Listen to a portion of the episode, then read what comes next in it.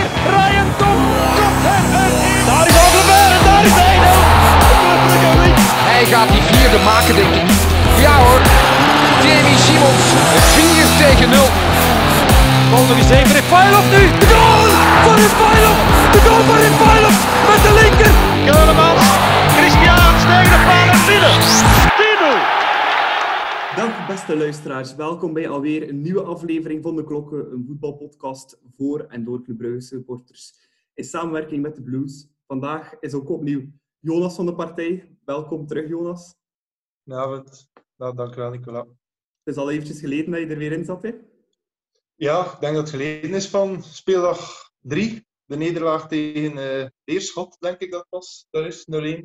Ja, was een aflevering met uh, Johan de Kaluwe ook, hè, denk ik. Ja, dat klopt, dat klopt. En ondertussen zijn we punten verder. Gelukkig. Enkele speeldagen verder. Ja, ja wel. Het is uh, een wereld van verschil. het is vandaag ook een kleine mini-jubileum aflevering. Het is vandaag de tiende aflevering van de Klokken. En daarvoor hebben we ook een uh, heel leuke gast van de partij. Dat is Louis de Ketelare. Dag Louis, welkom erbij. Goedenavond Nicola. En uh, ja, wel uh, aangenaam aan iedereen die aan het luisteren is. Ja, Louis, uh, je achternaam verraadt het een beetje. Je bent de oudere broer van een van de spelers van club, hè? Ja, ja ik kan de logische vergelijking maken. Nee. Van ja. Charles natuurlijk. Ja, inderdaad. een beetje de chouchou van Club Brugge. we gaan beginnen vandaag met ja, de nabespreking van de wedstrijd van dit weekend. Het was een hoge topper op Sclessin standaardclub. Uh, Jonas, um, was het een terechte uitslag, denk je, die 1-1? Nadien gezien, zonder alle randfeiten erbij, we er hm. zoiets uh, uitgebreid over was, Ja, het was, het was zuur inderdaad, maar uiteindelijk achteraf gezien wel terechte uitslag. Toch wel. Ja, Louis, je hebt de wedstrijd ook gezien, neem ik aan. Ja.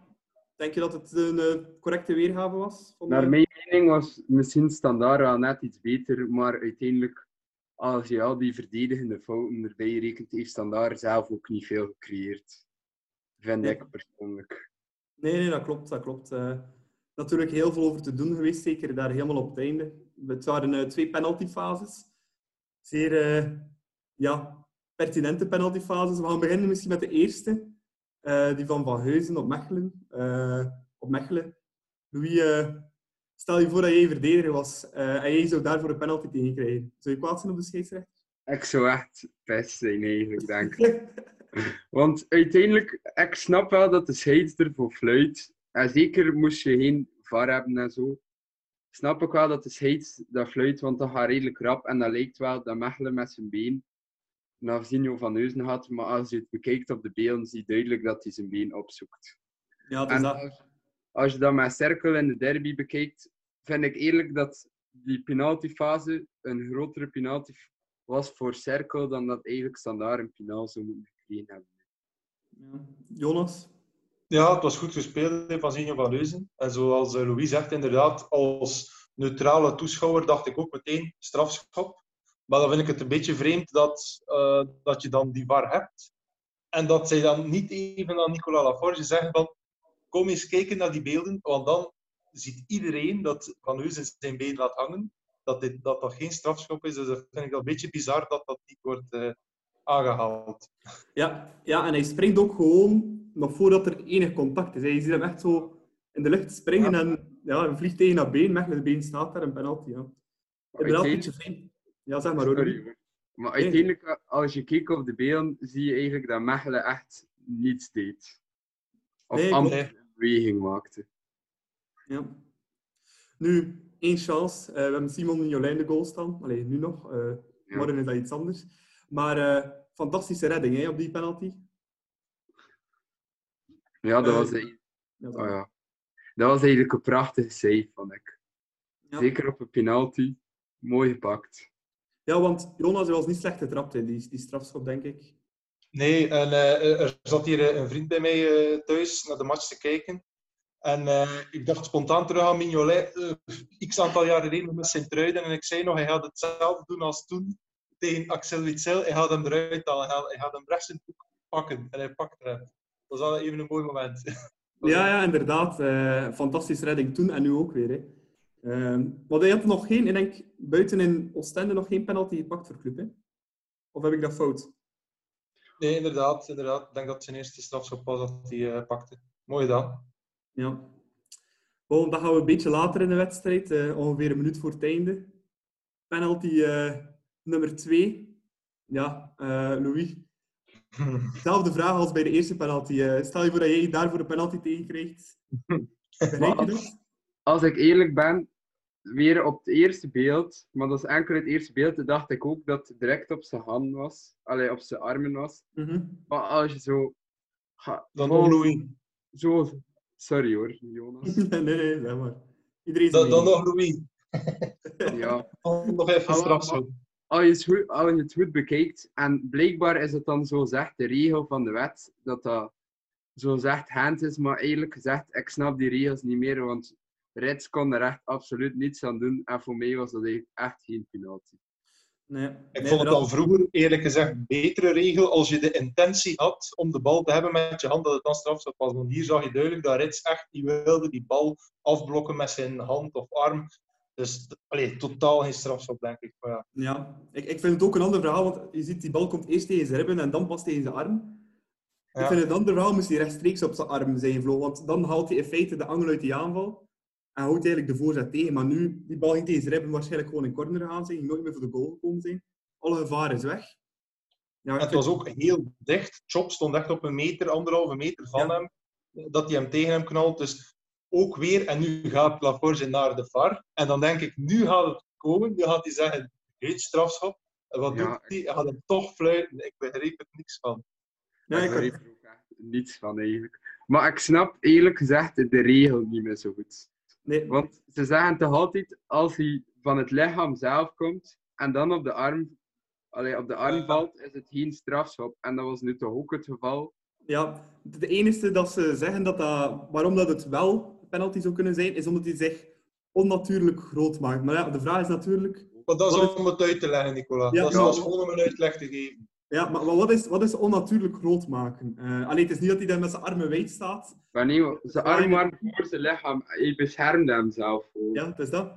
Het is dat. En hij had er ook geen enkel voordeel. Toen we een beetje denken, eh, ik denk twee jaar geleden, ehm, toen we op Racing Genk zijn gaan spelen, heeft Mechelen ooit ook, ook zo'n penalty tegen gehad.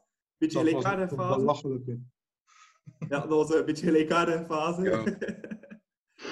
Ehm, dat deed me er enorm aan denken, maar het, het vreemde vind ik, ze hebben twee jaar geleden die regel rond hands proberen aan te passen. En het is eigenlijk maar enkel gewoon... Ze hebben het gedaan om het makkelijker te maken, hè, Jonas. Ja, Ik heb, ik heb niet de indruk dat dat gelukt is. Het is gewoon nog erger geworden. Het is nog één grote warboel. Ja.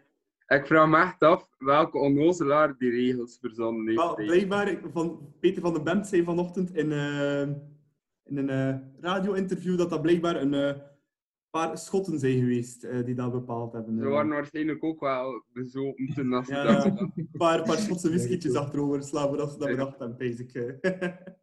Maar Ja, eigenlijk nee. dat is gebaseerd op het hockey, dat als je de bal, eh, of dat, dat balk of die puck, of hoe noemt het, eh, tegen de voet, dan is het een strafcorner. Dat kun je misschien in het voetbal ook doen. Maar als die Ja. arm raakt, is het strafschop. Waar zijn je dan mee Ja. bezig? Maar dan krijg, je de, dan krijg je de eeuwige discussie en dat gaat ook effectief zo zijn. Dan gaan aanvallers beginnen gewoon te mikken naar de handen en dan, Ja, dan ga, je, ga, je, ga je wedstrijd hebben met, met drie, vier strafschoppen op, op een wedstrijd. En dat is niet de bedoeling, denk ik. Nee, nee. maar eerlijk, dus die strafschopregel in vergelijking met vroeger, was het vroeger toch wel echt veel beter eigenlijk. En veel Ja, beter. zeker, zeker voor Hens. Zeker voor Hens. Voor Hens was het gewoon simpel. Ja. Ja, heb je de intentie om op de bal te halen? eh, of doe je, maak je echt een beweging aan de bal? Is het Hens? Krijg je een per ongeluk tegen? Ja, dat kan altijd gebeuren. Je kan je armen niet, Ja, niet eraf hakken. Ja. Er was nog discussie, maar het was veel minder dan nu. Ja. ja, inderdaad, klopt. En toen had je ook natuurlijk de VAR niet. Hè? Dus Nee. eh, waar je vroeger nog een keer een scheidsrechterfase kon gemist hebben, wat altijd kan gebeuren, denk ik. Het zijn ook maar mensen. Heb je nu de VAR en die, heeft het, allee, die moet het dan wel gezien hebben. Hè? Ja, maar de VAR had wel, denk ik, gezegd dat het geen strafschop was. Anders zou hij nooit gaan kijken, denk ik. Ja, ik denk dat dat VAR juist wel zei. hè. Dat, dat, eh, dus eerst had je de grensrechter die zei tegen Laforge van ja, ik denk dat het gewoon geen penalty is. Dan kreeg hij van de VAR te horen, ja, ga nog een keer aan kijken. En dan zou toch, denk ik, Ah, ik dacht, het belletje moeten gaan rinkelen van... Ja, als, er, eh, als zowel de VAR als de lijnrechter zegt dat het geen penalty is, of dat ik toch op zijn minst een keer moet gaan kijken. Maar ja, oké. Blijft natuurlijk interpretatie en dan eh, Ja, dat ja, is zijn er veel opties. Wie heeft er be- beter gezien, de lijnrechter en de VAR of de scheidsrechter op- zijn positie? Dan denk ik toch eerder de lijnrechter, die, Ja. die toch wel in die fase zit. Maar ja, Nee, inderdaad, die had er, zat er echt op te kijken. Dus, eh, Ja, en de scheidsrechter stond erachter. Stond Ja. achter het, dus ja. die kon er nooit helemaal goed eh, geïnterpreteren, maar bon. Je zag hem waarschijnlijk zijn armen voor zijn lichaam trekken en dacht, dat vliegt daarop. Maar ja. Hij is gaan kijken en volgens hem is het strafschop, maar volgens mij is die fundamenteel verkeerd. Dus ja. Ja, ik eh, volg je daar volledig in, Louis. Eh, nu bon, de rest van de wedstrijd. Ehm, puur naar kansen toe dat club heeft gecreëerd, hadden we daardoor eigenlijk wel aanstand gemaakt op die drie punten, vind je, Louis? Of hebben we toch te weinig gecreëerd, denk je? Ik vond het wel een hele mooie goal eigenlijk van Diatta. Heel mooi binnengetrapt. Maar eigenlijk voor de rest, buiten op het begin van de tweede helft, vond ik wel dat club redelijk goed begonnen was aan de tweede helft. Maar voor de rest van de match vond ik wel dat het wel niet een van hun beste matchen was. Maar uiteindelijk op Slessin spelen is ook nooit makkelijk. hè. Nee, zeker niet. Ik denk dat eh, de beste tegenstander is tot nu toe, Jonas, standaard. Dat we allebei gehad van de Belgische ploeg. Ja, standaard was gretiger, hè. was echt gemotiveerd. En dat zag je ook in onze, in onze defensie. Hè. De anders o zo rustige Simon Mignolet en Dili en eh Matta enzovoort. eh, Die hadden echt wel problemen bij dat uitvoetballen. Want uitvoetballen was, is anders geen probleem. Maar nu was er echt hoge druk van standaard. En eh, ja, de ene foute inspeelpaas naar de andere. Wat dan inderdaad, zijn geen uitgespeelde kansen van standaard. Maar het zorgde wel voor de mogelijkheden natuurlijk. Ja, van achter, Louis, was het inderdaad geen eh, al te beste beurt dat ze gemaakt hebben. Hè. Nee, maar ik vertrouw onze verdediging in het algemeen wel. Ik denk gewoon dat ze een beetje in een non-match zaten. Beetje Ja, nonchalance misschien. Ja, zeker Brandon Mechelen, zo'n fouten maakt hij hem normaal gezien nooit. hè. Nee, nee, het is dat. Ja. Eén keer tegen Charleroi, maar het is alleszins heel zeldzaam. Ja, nee, klopt. Klopt inderdaad. En ook eh voor het Clinton Matta. Normaal is hij altijd Ja. heel sterk. Allee, die afgekeurde goal daar. Ja, als die gewoon binnen had, is dat gewoon 100% Matta zijn fout. Hè. Die goal eh, Ja. dat is echt weggeven. Dat is, Dat een beetje aan de viermansdefensie, want, want dikwijls spelen ze driemansdefensie. En nu was het vier man, en misschien dat dat, dat toch wat on- on- meer onwennig was. Misschien. Ja, ze spelen nu toch al een paar jaar met, gewoon met drie van achter. Ehm, sinds Leco in feite. En met Clément is het ja, een beetje...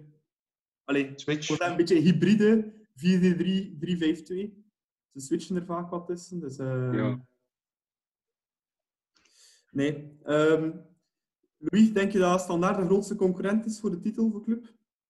Ik vind dat een moeilijke, want van standaard weet je like, nooit wat je ervan kan verwachten. Die kunnen ofwel heel goed zijn, ofwel zeer slecht zijn.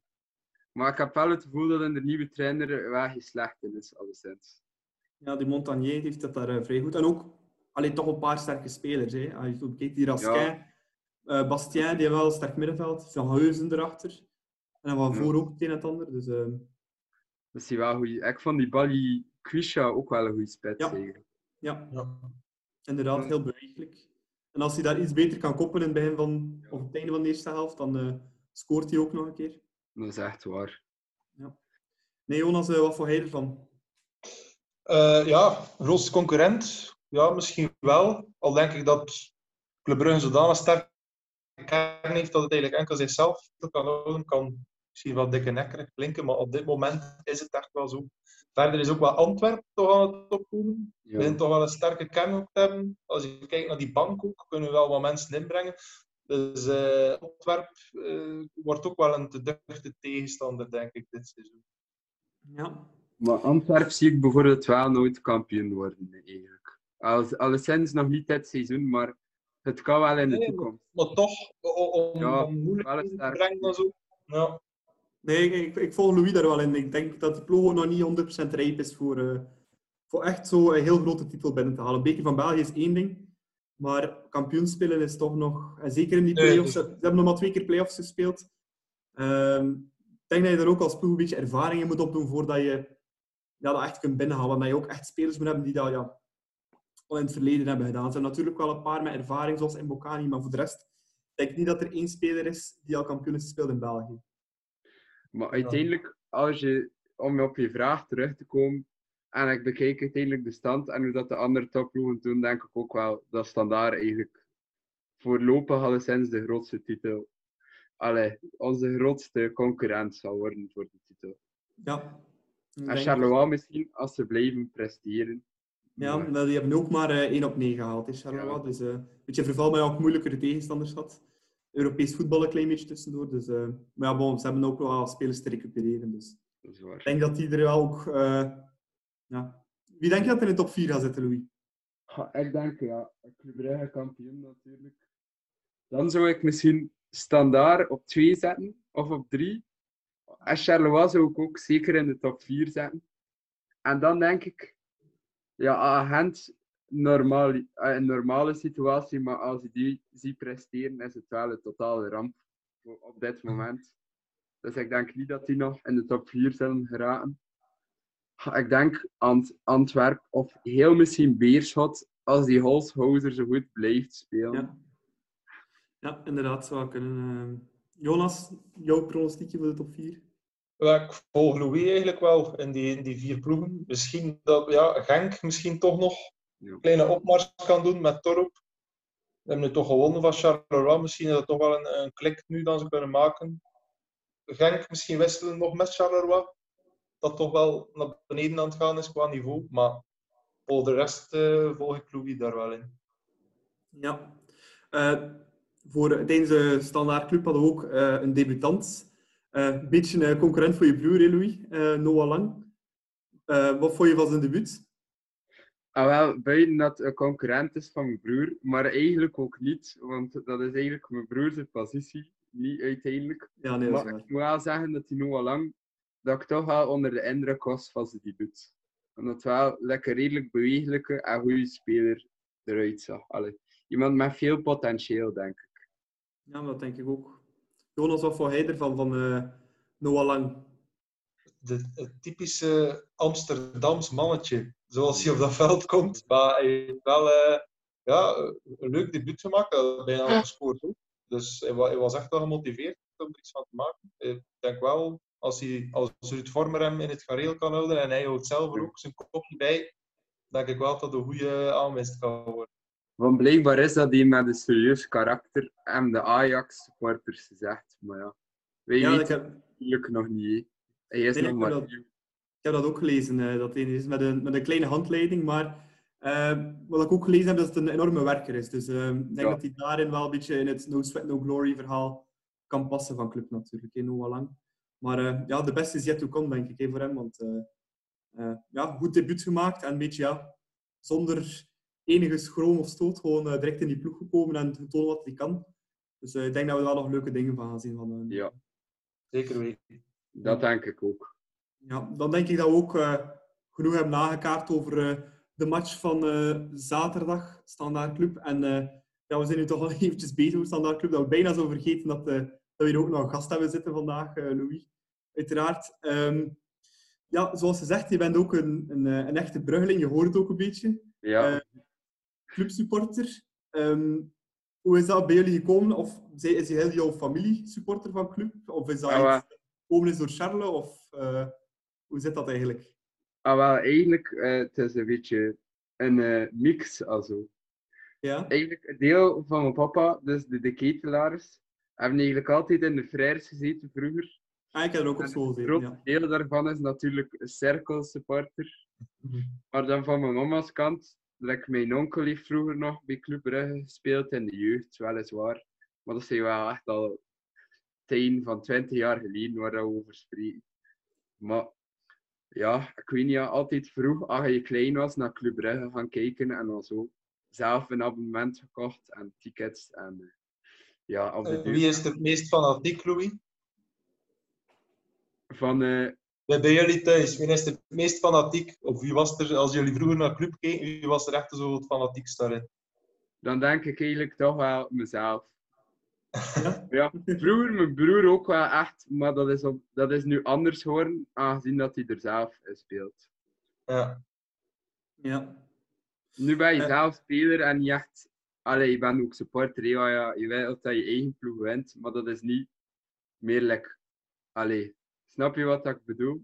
Ja, ja, ja, ik. Ik zie mee. Ik vind het moeilijk om het uit te leggen.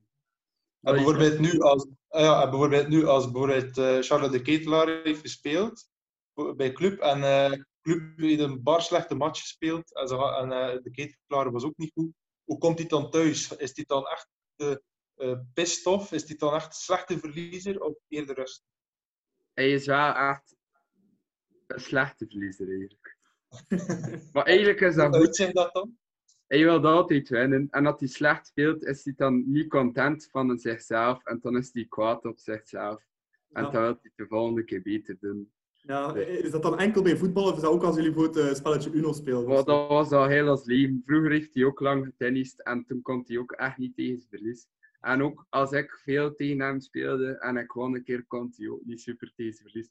Maar mijzelf ook niet, want dat is, waarschijnlijk heb jij dat ook ooit nog gehad met je broer Nicola. Dat Ja. is rivaliteit dan.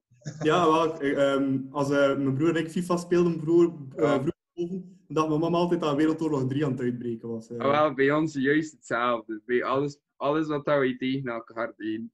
Ja, nee, dat klopt. eh. En ehm, jullie hadden dan ook een abonnement op club? Of, ehm, Ik voorlopig wel niet meer, omdat ik normaal gezien mee met, allee, van, met mijn broer zijn tickets kan gaan kijken. Maar eigenlijk tot, tot denk ik twee jaar geleden had ik, had ik een abonnement. ah ja, en waar zat je dan? Zuid, Oost, West? En de, en de Spionkop. Ah, en zo. mijn broer ook vroeger. Ah, kijk, super. Voilà. Ehm, ja, ah, ik, ik zei het ook net zelf, of je zei, zei het net, jij zei het net zelf. Eh, ja, ik ga met mijn broer en mijn pa ook al jaren naar het voetbal. Ehm, vanaf wanneer had je eigenlijk door, ja, Charles, hij had het toch misschien wel maken tot in de eerste ploeg. Wanneer werd dat voor de eerste keer duidelijk? Goh, dat vind ik wel een moeilijke vraag. Maar ik heb veel tegen hem gevoetbald vroeger. En ik zag wel dat hij wel heel goed kon voetballen.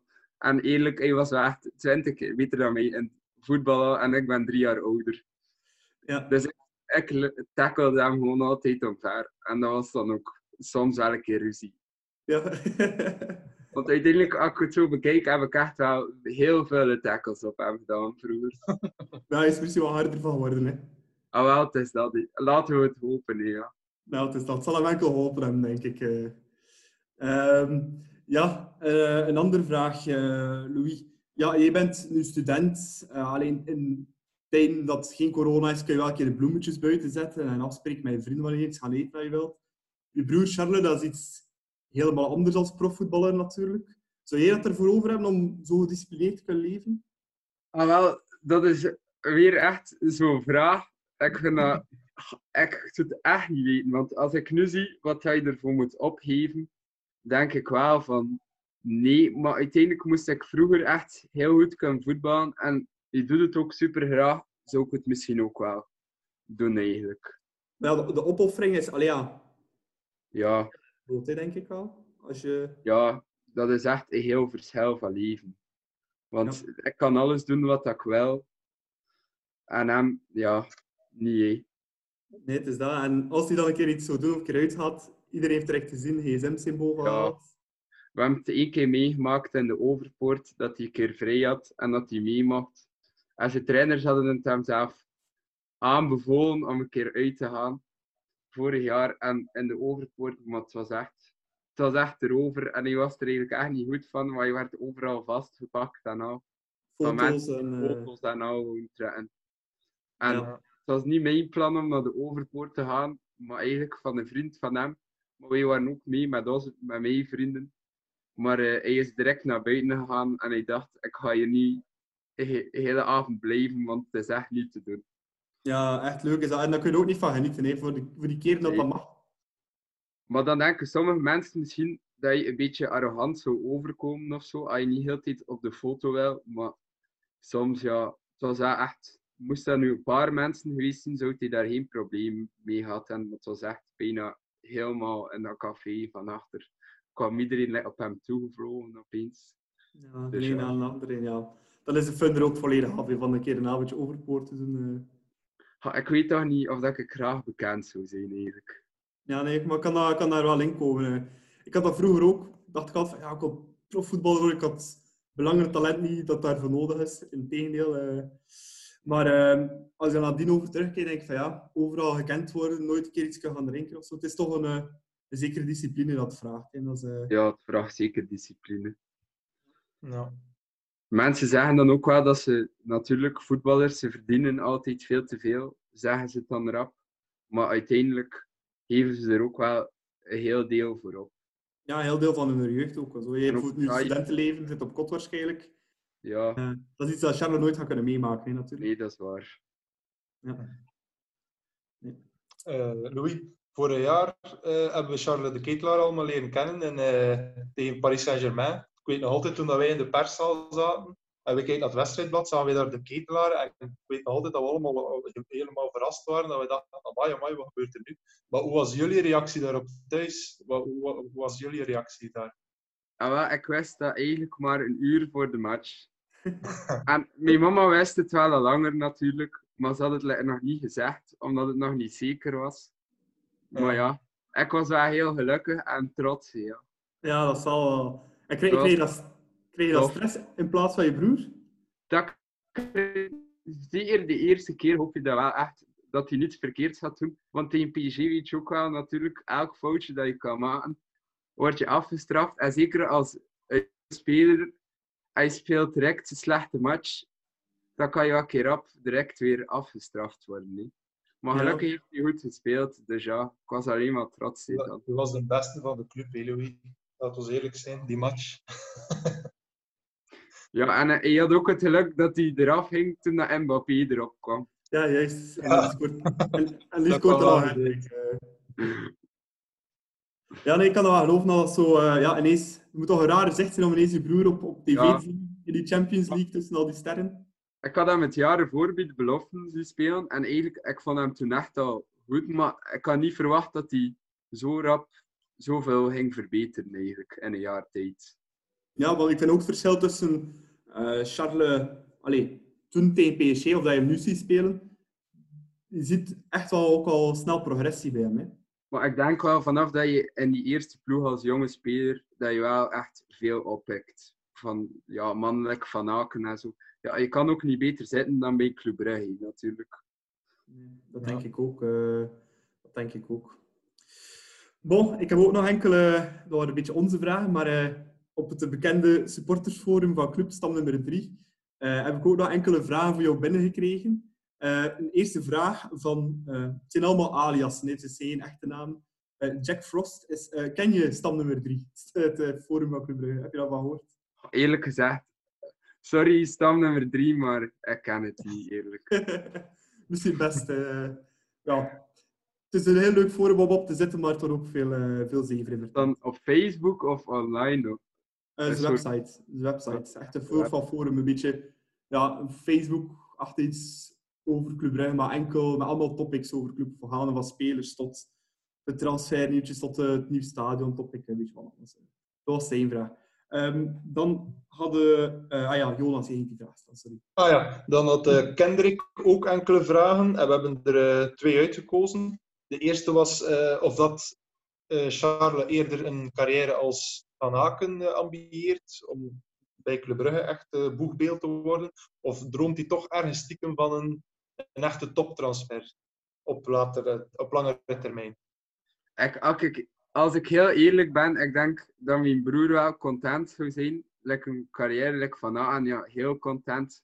Oh, je kan er zoveel carrière hebben, maar ik denk ook wel, moest hij zeker al even bij club spelen en dan de kans krijgt op een mooie transfer, dat hij daar wel allee, van zou dromen om dat te doen. Ja, dat lijkt me ook logisch. Hè. Ik denk, als je het kan doen, dan ja, moet als je je het wil doen. ik vind dat ook. Dan moet je het doen. Ja, En uiteindelijk kan je altijd op latere leeftijd dan terug bij de ploeg van vroeger gaan spelen. Ja. En wat voor competities zie je hem spelen, bijvoorbeeld? ik zie hem dan eigenlijk. Hmm, daar moet ik wel even over nadenken. Eigenlijk. Wel, wat je even laten nadenken. Ik ga wel anders minstens de tweede vraag stellen van eh, de heer Kendrick. Eh, wie waren jullie jeugdidolen vroeger? Van mij of van Charles? Van, van, van jou en van Charles? In het voetbal of niet? Ja, van, van, voetbal, ja. ik ben eigenlijk altijd vroeger, toen ik klein was, was ik eigenlijk, toen ik heel klein was, was ik eigenlijk fan van Bayern München. Dus eigenlijk Mhm. was ik voor Philippe Laam, dat was echt mijn idool. Ja, een fantastische voetballer. En eigenlijk is dat nu wel een beetje geëvolueerd op mijn vlak en Lionel Messi. Want daar ben ik echt fan van. Maar mijn broer was altijd de Cristiano Ronaldo fan. Broer. Ja. Aha, oké. En ik denk dat hij later bij Real Madrid het liefst zou spelen. Ah ja, kijk, voilà. En dan nummer, nummer 7 ook. Ja, maar ik persoonlijk zou daar nooit ja, gaan spelen bij Real Madrid. Ik zou dan liever bij Barça spelen dan eh, Ja. op de dag. ja. Ehm, dan ook een zekere Balanta, dat is ook een alias, is niet de speler. eh had eh, twee vraagjes voor je. Ehm, de voorbije jaren heb je Charles wel echt veel matches gespeeld, met zowel beloften als eerste ploeg. Maar zijn er zo andere spelers die jou heel positief zijn bijgebleven? Dat je denkt van, daar zit ook echt wel veel muziek in? Ah, wel, ik denk Thomas van de Keibus. Hij is nog een beetje tenger, Thomas, maar we kennen hem ook heel goed, want hij heeft ook een jaar bij ons thuis gewoond vroeger. Ah, oké. Maar die doet de laatste tijd wel echt heel goed. Maar like nu van Club Next ken ik ze eigenlijk niet zo goed, want dat is een redelijk nieuwe ploeg. Maar vorig, met de belofte waar dan mijn broer bij speelde. Want toen had je ook Cyril Ngongi bij de belofte, was wel echt... Die had een klein beetje manieren, maar die was wel echt heel goed eigenlijk. Ja. Fuck. Maar die is nu weg, allee, uitgeleend normaal gezien. ja, hij speelde in Nederland ergens, denk ik. Als ik Ja, eh, maar als je die bij de beloften zag spelen, die kon er wel echt iets van mee. En van de Capers, die zat bij jullie thuis? Of die heeft een jaar bij jullie gewoond? Hoe komt dat? Omdat hij, zijn ouders zi- zijn eigenlijk van eh, Antwerpen en hij zat op school. Dus ja, hij speelde bij club ook. En hij zat op school bij, eh, ook in Sint-Lodewijks. Dus in plaats van op internaat heeft hij een jaar bij ons thuis gewoond. Nou ja, dat lijkt me gezelliger dan op internaat. Een vriend was van mijn broer. Mhm. En eerlijk, de nieuwe keeper, dat vind ik ook een heel goed. Wat ik er al van gezien heb en wat ik ervan gehoord heb. Sanne Lammens, Ja. dat ziet er echt wel één voor de toekomst uit. eigenlijk. ja, wel, want er een paar podcastafleveringen geleden over. Ehm de match tegen Union pakt hij alles, denk ik. Ja, dat was dat niet, niet normaal. Een echt mooie redding. Ja, ja. Ehm, tweede vraag van eh, Balanta. Eh, er is al veel over gezegd en geschreven, maar wat is volgens jou de beste, de beste positie van eh Charles? Eigenlijk eh, de positie van Van Aken. De 10? Ja, de 10. Ja, oké. Maar ja. Dat is. Dat is ook logisch. hè. Eerlijk, Hans van Aken, ja, dat kan je niet eruit halen. hè. beetje boegbeeld, hè, natuurlijk. Ja, eh. dat is een boegbeeld. En het is ook niet voor niets twee keer gouden schoenen al geworden. En waarschijnlijk nog een derde keer ook. Dus ja. Dat zit er wel dik in. Ja, die speel je natuurlijk niet zomaar uit de ploeg. hè. eh.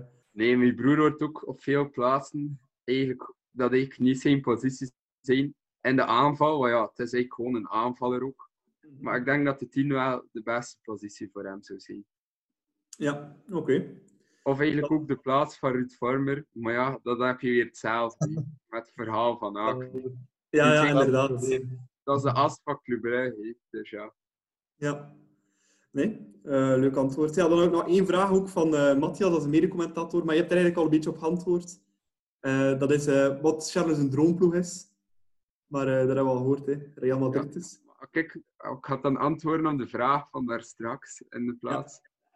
Ik zou ook misschien zeggen dat mijn broer ofwel Spanje misschien, of Italië, denk ik. Dan. Ja. Niet voor het brute Engelse voetbal. Ja, Ik, alhoewel, dat zou ook wel gaan eigenlijk, want hij is ook groot. Dus dat zou wel gaan, maar ik denk eigenlijk eerder dat zijn voorkeur dan naar Spanje zou gaan. Ja. Mijn voorkeur persoonlijk moest ik ooit ook, want dan kan je daar in de zon gaan zitten. Ja, kijk, voilà. Sta je voor wel- een seizoen of drie in Sevilla. Hè.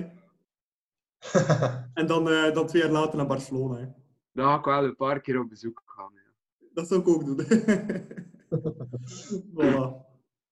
Kijk, dat waren eh, een beetje al onze vragen eh, voor jou en over jou en, eh, en Charles.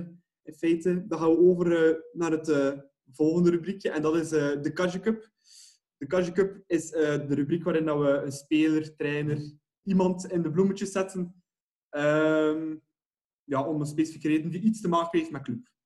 Dus ehm, Jonas, anders mag jij eh, de spits afbijten wie dat jouw nominatie, voor wie dat jouw nominatie uitgaat voor de Kaja.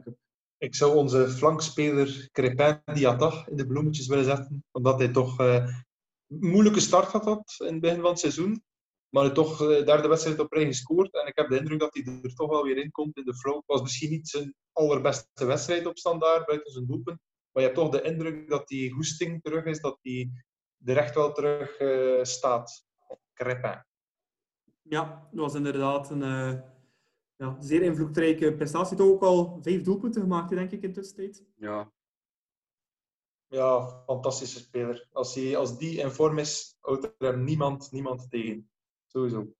Ja, ik geef hem nog een jaartje. Tegen het einde van het jaar denk ik dat hij weg Als hij dit aanhoudt en aan meer dan 10 goals zit dit seizoen, is hij sowieso weg, denk ik, tegen volgende seizoen.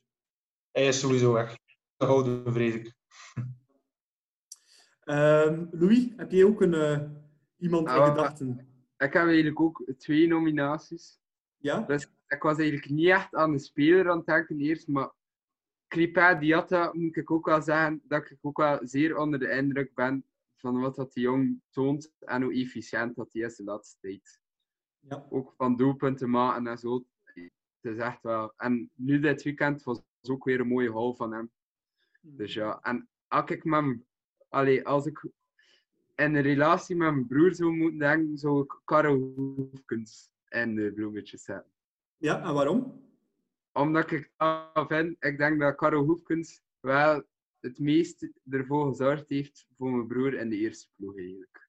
En, en in welke zin is dat dan eh, op... Maar gewoon zo van eh, zo integreren en zo als trainer en, en een beetje gewoon maken hoe dat zit in de eerste ploeg. Want die was altijd bij de beloften eerst en is dan ook naar de eerste ploeg gegaan.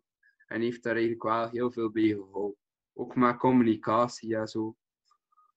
Ja, is ook een beetje een eh, boekbeeld van Club, hè, Karel Hoefkens. Ah, wel, het is dat. Ik vind dat hij dat een keer verdient om Ja, in de te zijn. vind ik een heel mo- mooie nominatie. eh. Zit hij dan ook samen met Karel Hoefkens in een in trainingshonk? Want eh, die eh, is al redelijk afgetraind, hè, Karel Hoefkens.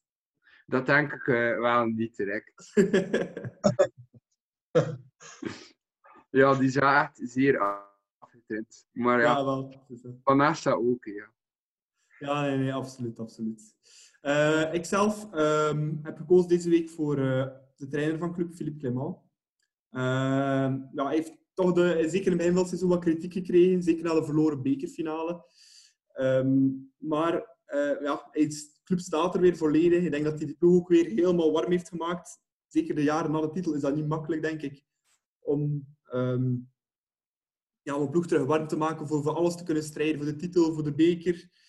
En hij is ook gewoon weg op weg naar zijn derde titel misschien als coach na één keer Racing Henk en nu misschien zijn tweede met club. Dus, eh, en veel andere trainers zouden dan denken na twee titels in België, ja, ik ga direct andere oorden opzoeken, misschien naar het buitenland gaan, proberen een stap te zetten.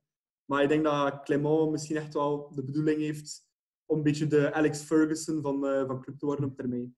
Dus vandaar dat ik eh, deze keer Philippe Clement een keer in de bloemetjes zou zetten. Ja, hij verdient het ook, vind ik. Ja.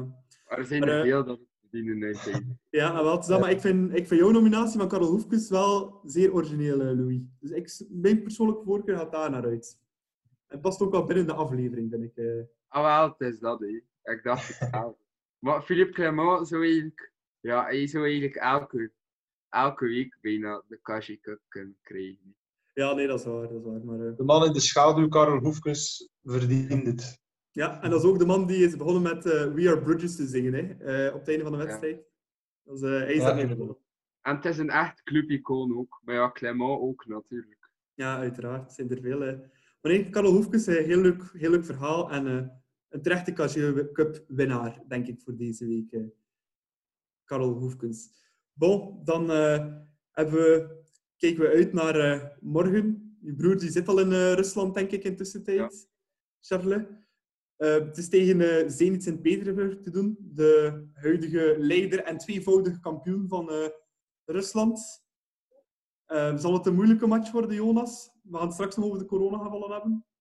Het wordt, wordt een ja, lastige match, maar aan de andere kant, het is nu echt wel het moment om eens te proberen die tweede plaats te pakken. Want een betere kans dan dit ga je niet snel meer hebben natuurlijk. Met de ploegen die er nu in zitten, met, met alle respect, laat José niet uh, en, en zo verder zijn wel goede ploegen, maar het is niet van het kaliber zoals we eerder al gekend hebben. Dus nu is het echt wel het moment. En ik denk wel dat Clement zijn spelers wel op scherp gaat kunnen zetten en kunnen motiveren om er nu echt wel voor te gaan. Wat denk je, Louis? Ik denk eigenlijk gewoon de poelen waar dat ze in zitten, dat dat eigenlijk een heel moeilijke pool is. Omdat je aan de ene kant kan je heel mooie resultaten behalen en aan de andere kant kan je ook heel slechte resultaten behalen. Want een ploeg, ik zie het, ja, je kan daar wel punten tegen halen, maar je kan daar ook perfect twee keer tegen verliezen, want dat is wel een goede ploeg. Ja. Hetzelfde met Lazio ook. Hé. Enige zekerheid is misschien Dortmund, dat, dat je echt niet, niet echt iets moet oprekenen. Maar tegen die andere twee moet het geluk een beetje meezitten, denk ik. Ja, ik denk het ook. Dat is, het is toch nog net iets beter dan bijvoorbeeld Galatasaray vorig jaar. Ja, nee. Ik denk dat Zenit inderdaad ook een betere ploeg is dan, uh, dan de Turken van vorig jaar. Nu, uh, ja, van gisterenavond is ons het uh, minder nieuws bekend geraakt dat zowel Mignolet Kusunu als Kermenchik corona positief hebben getest. Die zullen er dus zeker niet bij zijn. Um, Louis, wie denk je dat we het meeste zullen missen in uh, Rusland? Ja, ik denk gewoon Simon Mignolet. Met volle overtuiging zullen we echt het meest missen. Want, allee, eerlijk gezegd, Horvid, ik heb daar heel veel respect voor, maar mijn vertrouwen is niet super groot in hem. Ja, kan ik begrijpen. Ja, het is, het is die zekerheid ook, hè, dat hij uitstraalt naar die verdediging, denk ik, dat ook het grote verschil maakt. Mignolet is echt, ja, dat is echt een blok. Dat is echt een keeper waar je eigenlijk moeite voor moet doen om een bal, te laten, allez, een bal erin te leggen. Terwijl bij Horvat is meer onzeker en een keer een klein foutje dat soms dan een keer slecht afloopt. Maar hij verdient natuurlijk ook wel een keer een nieuwe kans. Want het is wel eventjes geleden dat we hebben dat we hem hebben zien spelen eigenlijk. Ja. Hij heeft misschien een jaartje al kunnen leren van uh, Mignolet, ja. Jonas. Ja, maar aan de andere kant, om net nu in zo'n uh, topmatch te moeten starten, het is, het is, ook niet echt een geschenk. Hè? Want als hij er nu drie binnenkrijgt, zal het zijn, ja, maar met Mignolet was het anders geweest. Dus ik, ik vrees, ja, het is niet zo aangenaam voor Horvat om net in die match te moeten spelen. Ja, nee, nee zo. Sorry hoor, Nicola. Nee, zeg, zeg, maar Louis, zeg maar. Ik denk ook weer, het kan ook weer twee kanten uitgaan. Want Horvath heeft ook al bewezen dat hij wel soms echt mooie saves kan doen en echt goed kan spelen. Maar ofwel had hij er onzeker, ofwel had hij de match van zijn leven spelen. Dat kan ook. Ja, uiteraard. Nee, uh, ik denk dat vooral een beetje op uh, hoge ballen zal het uh, zeer lastig zijn. Denk ik. Want dat is wel een van de kwaliteiten van Mignolet. En dat is een van de mindere punten alweer van Ito Horvath. Maar op de lijn kan hij eh, soms heel sterke wedstrijden spelen. Dus uh, laten we hopen dat ze niet te veel van de flanken komen. Eén voordeel daarin is wel, uh, bij Zenit is ook uh, Malcolm van ex-Barcelona. Hij gaat er niet bij zijn. En ook zijn vervanger, met zijn naam vergeten, met Santos van achter. ook een Braziliaan is ook geblesseerd of er niet bij. Aha, Ziuba en de spets staan nog niet? Uh, dat weet ik niet, maar ze spreken wel terug van Zirkov. Die gaat spelen, die is 37 in de tijd. 37? Ja. Dus die zou in de plaats van Malcolm spelen. Dus misschien is dat ook ja, een beetje geluk aan onze kant. Om, de Russische Timmy Simons. Ja, wel, feest ook. Ongeveer even oud. Ehm, nee, nog een pak jonger zelfs in tijd. Ja. Ehm, Louis, denk je dat je broer wordt gaan starten in de basis? Maar ik weet het eigenlijk niet zo goed. Of... Uh, ja, zeg maar hoor, zeg maar, sorry. Ah, ik dacht dat je iets ging vragen, Nicola. Nee, nee, nee. Um, nou, ik denk dat de kans er wel in zit, want er zijn wel wat mensen geblesseerd. Allee, het zijn, zijn er niet. Um, dus ik denk dat de kans is. Maar ik weet ook niet, zal het waarschijnlijk ook niet gezegd hebben aan je als hij het al Nee, hij heeft het niet gezegd, dus ik weet er eigenlijk niets van voorlopig. Maar je weet het meestal zelf nog niet. Allee, soms wel, maar niet altijd. Ah ja, dat wordt meestal pas de dag zelf of, of een van de bekendgemaakt. Dus ja, ik hoop dat hij gaat spelen alleszins. Ja, het is dat. Het zou, het zou wel mooi zijn voor hem, maar heeft, heeft zaterdag niet gespeeld, dus ik denk dat de kans wel reëel is, hè, Jonas, dat hij gaat spelen. Zou je hem erin zetten, Jonas, moest je Clement aanwezig zijn? Uh, tegen standaard of, of morgen? Morgen, hè? Morgen, ja. ik denk het wel. Zoals je zei, met, die, met de afwezigen die er nu zijn, denk ik, uh, zou ik hem inderdaad toch, toch wel zetten, denk ik. En zou je nog al lang laten spelen? Dat is ook een vraag, ja. Dat is een goede vraag. Goh, misschien wel, uh, misschien langs beide kanten. Maar, ja. Moet er ook ik, ik denk dat Clement dat niet gaat doen. Ik denk dat Clement toch nog lang nog op de, op de bank gaat laten. Heb ik zo het gevoel. Maar ja. En misschien een beetje hopen op de routiniers, want uh, ja. lang heeft ook nog niet, nog niet veel kunnen meetrainen met de eerste ploeg, denk ik. Om ja. echt ook, zeker verdedigend ook, zijn, uh, zijn taken correct te moeten invullen, dan denk ik ook niet dat dat ideaal is om hij lang te starten. En in de Champions League is dat natuurlijk iets anders dan in de Jupiler Pro League. Nee, dat alleszins. Ja. Dat is een dag en nacht verschil qua niveau. Ik, hoop, ja, als, ik denk als ofwel gaat mijn broer ofwel Noah Lang spelen, denk ik persoonlijk. Ja, zou kunnen. Uh... Ik ben al sinds benieuwd wie dat hij gaat kiezen, uh, Clement. Dus ik denk dat nog ben... gaat... Ik ben benieuwd wie dat er in de spits gaat staan. Maar ik denk wel Badji eigenlijk. Ja, Badji of uh... ja, misschien Dennis, maar die is wel vroeg afgehaald, hè? nu tijdens de rust. Ja. Dus, maar vond je Dennis zo slecht dit weekend? Ik vond hem, ik vond hem ook niet super, maar ik vond hem ook niet super slecht of zo. Dat hij wel motiveert aan de rest. Ik vond hem ook goed en een goede assist ook, hè? Ja, een mooi, heel mooie assist. Ja. Het, is, het is misschien door zijn nieuwe kapsel, hè, Louis? Ja. ja, misschien kon hij niet goed meer zien met die twee jaren voor zijn ogen. Beetje de, de Snoop Dogg van Club Brugge, hè, op die manier. Nee, terug over Zenit tegen Club. Um, Mechelen en Matta maakten niet al de beste indruk van het weekend. Uh, Deli is geblesseerd uitgevallen, Kosuno is weg. Nu, Mechelen en Matta zullen wellicht wel spelen, maar wie moet er links van hen komen, denk je? Uh, Rika of Balanta? Dat zal wellicht een van die twee zijn. Louis, wie denk jij? Balanta zou ik eigenlijk meer op middenveld houden dan, en ik zou Rika dan posteren links. En zou je dat niet meer uitspelen, bijvoorbeeld? Oh, nee, ik zou wel... Ik weet niet, Balanta is wel natuurlijk geblesseerd geweest. Nu, dus ik zou misschien Balanta nog op de bank houden en ik zou Reds in het middenveld zetten. En dan dus nog Balanta op het einde nog minuten geven. Want uiteindelijk vind ik dat ook wel een heel goede speler. Ja. Maar Reds is ook, eerlijk gezegd, ik vind dat je niet veel negatiefs over Mats Reds kan zeggen. Nee, hij speelt altijd zijn wedstrijd en is um, ja, zeer sterke voetballer. En altijd heel veel concurrentie had bij club. Eerst naar Kamba, nu Balanta en toch altijd zijn, uh, ah, zijn matje kunnen spelen. Hè. En niemand die verwacht had dat hij zoveel ging kunnen spelen bij club. Op, nee, dat denk ik ook niet. Dus chapeau voor Mats Rets. Dat is misschien de Kaji Cup voor volgende week. ja, wel. Kijk, van ik het ook zijn. Jonas, uh, zou je Balanta of Rika zetten? Uh, ik volg Louis daar wel in. Uh, want ik zou dan eerder Rika zetten, want Balanta zie ik heel graag spelen op het middenveld, top. Maar daar uh, links centrale verdediger heb ik het eigenlijk niet echt zo'n goed gevoel bij. Liever op middenveld. Ja, oké. Dat is zeer duidelijk. denk je, en ja, het zal sowieso geen makkelijke wedstrijd worden, maar denk je dat een gelijkspel een goed resultaat is morgen, Jonas? Of zou we toch moeten kunnen pushen voor die drie punten? Ik, uh, teken met, ik teken met één hand, ik ging bijna zeggen met twee handen, maar toch al met één hand voor een spel. Moest ja. dat kunnen, zou ik zeker niet ontevreden zijn. Louis, ben je ambitieuzer dan dat? Of, uh, denk ik denk wel dat we de drie punten zouden kunnen halen, maar alleszins met een gelijkspel zou ik ook al content zijn, want in Zenit en dan thuis de drie punten. En dan heb je al vier ja. op zes. Voilà. Heel mooi. En om, om af te sluiten uh, voor morgen, Louis, pronostiekje.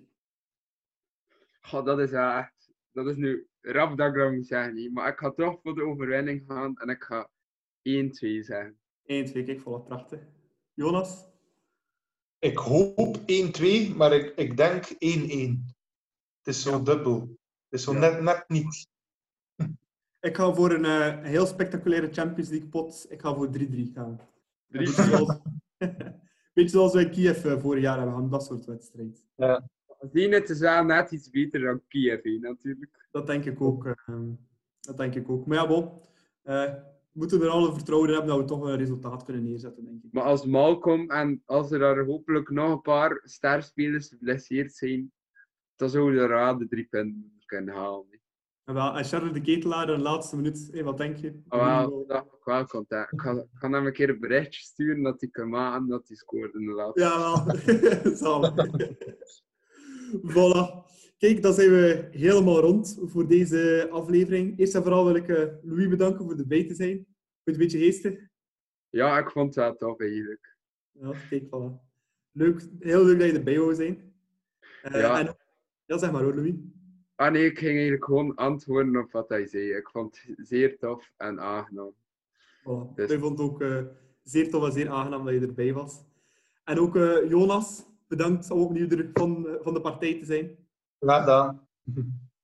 Voilà, dan is het laatste dat ik ga doen. De kanalen nog eens herhalen. Je kan ons eh, altijd een mailtje sturen met eh, vragen, suggesties, antwoorden op podcast.bluesfcb.be. Je kan ons volgen op Twitter met @deklokkenpodcast of @thebluesfcb of met de hashtag de klokken.